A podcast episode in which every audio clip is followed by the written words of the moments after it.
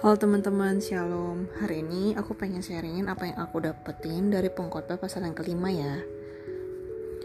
Teman-teman, jadi uh, pengkhotbah pasal yang kelima ini dari ayat 1 sampai ke 6 kita bisa lihat kalau yang udah baca kita pasti um, uh, akan notice kalau itu berbicara tentang mengucapkan janji, mengucapkan nazar ya di hadapan Tuhan. Um, kita semua pasti pernah janji ya pernah berjanji bikin perjanjian sama orang gitu ya. Karena apa? Karena dengan berjanji itu kan bikin orang lebih percaya sama kita. Terus um, atau misalkan kalau misalkan kita pengen utang nih karena kebetulan aku kerjanya di uh, perusahaan pembiayaan kayak di ke di perusahaan aku pasti orang yang ngajuin pembiayaan itu pasti bukan orang yang kita kenal dong. Makanya harus dibikin apa? Surat perjanjian. Nah kalau misalkan yang uh, berjanji adalah orang yang saling kenal pasti nggak perlu surat perjanjian. Misalkan aku sama adik aku janji atau uh, minjem duit gitu kan nggak perlu surat perjanjian. Tapi itu namanya berjanji kan? Nah uh, di budaya kita di Indonesia ya sering kali kita tuh uh, rasanya nggak enakan gitu loh untuk minta buat surat perjanjian ya kayak semuanya harus di atas kertas gitu. Kalau misalkan hubungannya dekat misalkan aku sama siapa om aku misalkan itu mau pinjem duit masa pakai surat perjanjian gitu? Kan agak segan agak sungkan agak nggak enak gitu kan.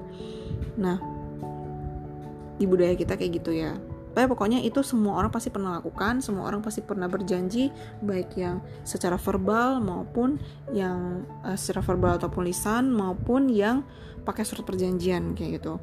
Nah di sini pengkhotbah katakan uh, kalau kita perhatiin ya Tuhan itu nggak pernah minta manusia itu janji sama dia. Minta uh, manusia itu janji macam-macam sama dia. Tapi kita manusia kadang-kadang buat ngajar sama Tuhan. Kenapa? Karena uh, kita kayak pengen mendesak Tuhan loh supaya Tuhan itu melakukan sesuatu seturut dengan kehendak kita kayak gitu kan. Nah mungkin juga karena kita tuh nggak percaya loh sama Tuhan bahwa Tuhan tuh akan menyediakan dan bertindak sesuai waktunya yang tepat kayak gitu kan. Nah Tuhan nggak minta kita janji atau nasar sama dia tapi apa? Tapi Tuhan tetap terima nasar kita dia tetap terima. Uh, walau itu ya menurut pandangan aku sih itu kayak mendesak atau kayak bentuk apa ya kita tuh ragu sama Tuhan kayak gitu. Nah tapi nggak apa-apa Tuhan tetap terima nazar kita. Beberapa tokoh di Alkitab juga kayak misalkan contohnya Yakub Yakub juga pernah bernazar kan nah dan mereka juga terima apa yang mereka mohon kepada Tuhan nah tapi di sini diajarkan pengkhotbah katakan bernazar itu juga nggak boleh sembarangan. Jangan sampai nazar yang kita ucap hanya karena kita uh, pengen banget sesuatu karena kita emosi atau karena kita nggak sabar. Nah, kita nggak sanggup nanti nepatinnya atau kita sengaja kayak nunda-nunda untuk nepatinnya. Pengkhotbah katakan pengkhotbah kasih tahu kita pengkhotbah kasih kita peringatan. Tuhan itu bisa marah, Tuhan itu bisa merusak pekerjaan tangan kita di ayat yang kelima. Terus dikatakan kayak gitu ya terus uh, ya pengkhotbah katakan ya jangan anggap enteng yang kemurahan yang Tuhan kasih buat kita gitu loh kita udah ucapin nazar dan jangan jadikan nazar itu sebagai hal yang sepele kayak gitu. Nah itu bagian yang pertama yang aku dapetin dari pengkhotbah ya. Terus di ayat yang ke 18 sampai 20 aku juga dapet sesuatu sih. Di sini dikatakan, "Lihatlah, yang kuanggap baik dan tepat ialah kalau orang makan minum dan bersenang-senang dalam segala usaha yang dilakukan di dilakukan dengan jeripaya di bawah matahari selama hidup yang pendek yang dikaruniakan Allah kepadanya sebab itulah bahagiannya setiap orang yang dikaruniai Allah kekayaan dan harta benda dan kuasa untuk menikmatinya untuk menerima bahagiannya dan untuk bersuka cita dalam jeripayanya juga itu pun karunia Allah. Tidak sering ia mengingat umurnya karena Allah membiarkan dia sibuk dengan kesenangan hatinya. Ini loh, uh, tentang berkat ya, tentang berkat. Um, ternyata tuh hidup kita sebenarnya diberkati sama Tuhan. Tuhan mengkaruniain berkat buat kita sebenarnya. Tapi banyak orang-orang itu merasa kenapa ya berkat Tuhan itu nggak terjadi sama dirinya? Kenapa gitu? Um, ternyata ini ini sari dari khotbah pendeta aku juga ya, karena aku catat juga kebetulan di Alkitab aku. Ternyata mentalitas kita yang salah, mentalitas kita yang menghalangi berkat itu. Nah, di sini tuh apa yang menghalangi berkat kita? Ternyata yang menghalangi berkat kita itu ada di di pengkhotbah ini ya kalau kita nanti baca.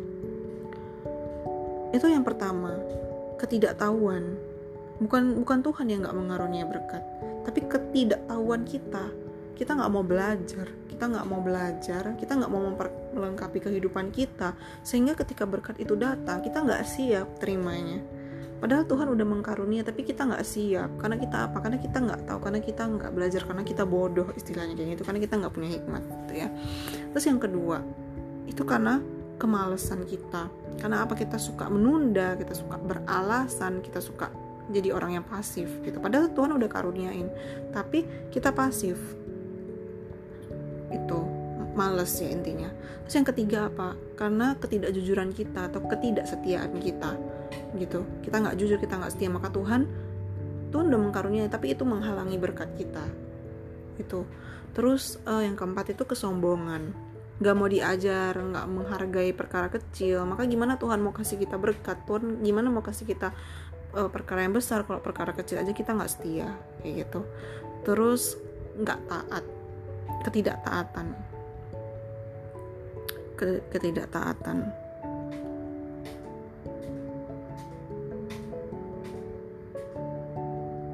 se ya kalau ngomong masalah ketidaktaatan ya itu ada di ulangan pasal yang ke-30 ayat yang ke-9 sampai ke-10. Dikatakan kayak gini, Tuhan Allahmu akan melimpahi engkau dengan kebaikan dalam segala pekerjaanmu, dalam buah kandunganmu, dalam hasil ternakmu, dan dalam hasil bumimu. Sebab Tuhan Allahmu akan bergirang kembali karena engkau dalam keberuntunganmu, seperti ia bergirang karena nenek moyangmu dahulu. Apabila engkau mendengar suara Tuhan Allahmu dengan berpegang pada perintah dan ketetapannya yang tertulis dalam kitab Taurat ini, dan apabila engkau berbalik kepada Tuhan Allahmu dengan segenap hatimu, dengan segenap jiwamu. Jadi itu ketidaktaatan kita ternyata bisa jadi penghalang berkat Tuhan. Padahal Tuhan mau memberkati kita. Tuhan mengaruniakan berkat itu buat kita di ulangan pasal yang ke-8 ayat ke-18 juga dicatat kayak gitu. Tetapi haruslah engkau ingat kepada Tuhan Allahmu sebab dialah yang memberikan kepadamu kekuatan untuk memperoleh kekayaan dengan maksud meneguhkan perjanjian yang diikrarkannya dengan sumpah kepada nenek moyangmu seperti sekarang ini. Jadi ternyata penghalang berkat itu ya itu tadi ketidaktahuan, kemalasan, ketidakjujuran, kesombongan, ketidaktaatan. Padahal Tuhan itu memberkati kita dengan mengkaruniai kita dengan berkat gitu ya. Nah, uh, selain daripada itu, apalagi yang menghalangi berkat Tuhan? Ternyata mentalitas kita juga menghalangi kita terima berkat Tuhan ya. Contohnya apa? Uh, mentalitas uh, apa ya? Konsumtif. Jadi kayak dapat berapa aja habis, dapat berapa aja habis. Ini ada di pengkhotbah ini ya. Jadi kalian kalau baca kalian akan temukan itu. Terus uh,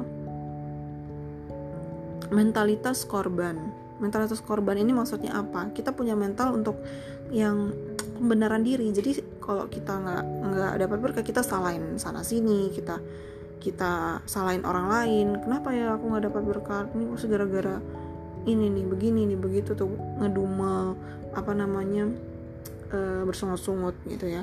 Jadi mentalitas kita menghalangi kita dapat berkat Tuhan.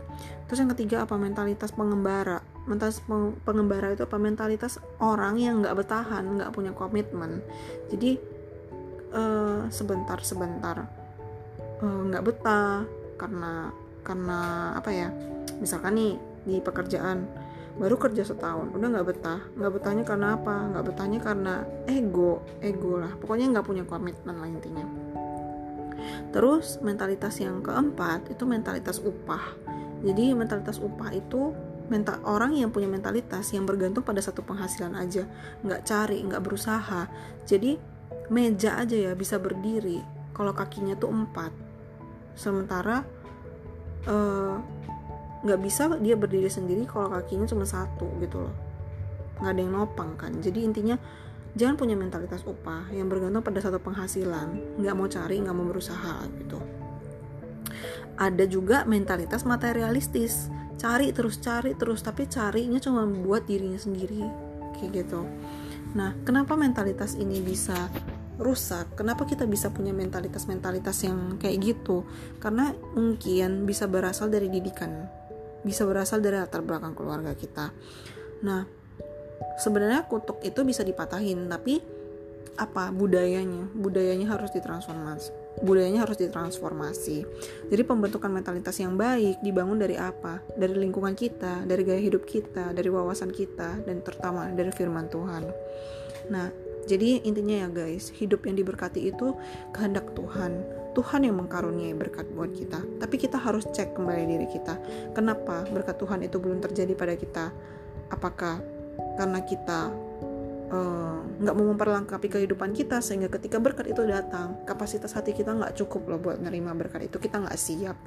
Atau karena kita males. Atau karena kita nggak jujur kita nggak setia maka uh, yang seperti tadi yang dikatakan pengkhotbah ya kita jadi nggak diberkati gitu terus apakah karena kita nggak taat? Terus apakah kita punya mental yang nggak nggak mau berkomitmen? Jadi bentar-bentar uh, komitmen kita itu kita patahin. Atau kita konsumtif uh, dikasih berkat berapa aja pasti habis nggak puas gitu loh. Terus mentalitas korban eh, nggak uh, bertanggung jawab gitu ya. Terus mentalitas upah hanya bergantung pada satu penghasilan aja gitu. Atau kita adalah orang yang materialistis kita punya berkat kita dapat berkat kita cari. Tapi buat diri kita sendiri doang egois gitu ya. Jadi teman-teman cek kembali diri kita ya. Kalau misalkan kita merasa berkat Tuhan itu belum terjadi pada kita coba kita introspeksi. Bukan Tuhan yang gak memberkati Tuhan udah mengkaruniai. Tapi cek kembali diri kita dan koreksi diri kita dan segeralah kita uh, bertobat sama Tuhan. Niscaya aku percaya pasti berkat itu akan kita dapetin kalau kapasitas hati kita siap. Semoga memberkati teman-teman.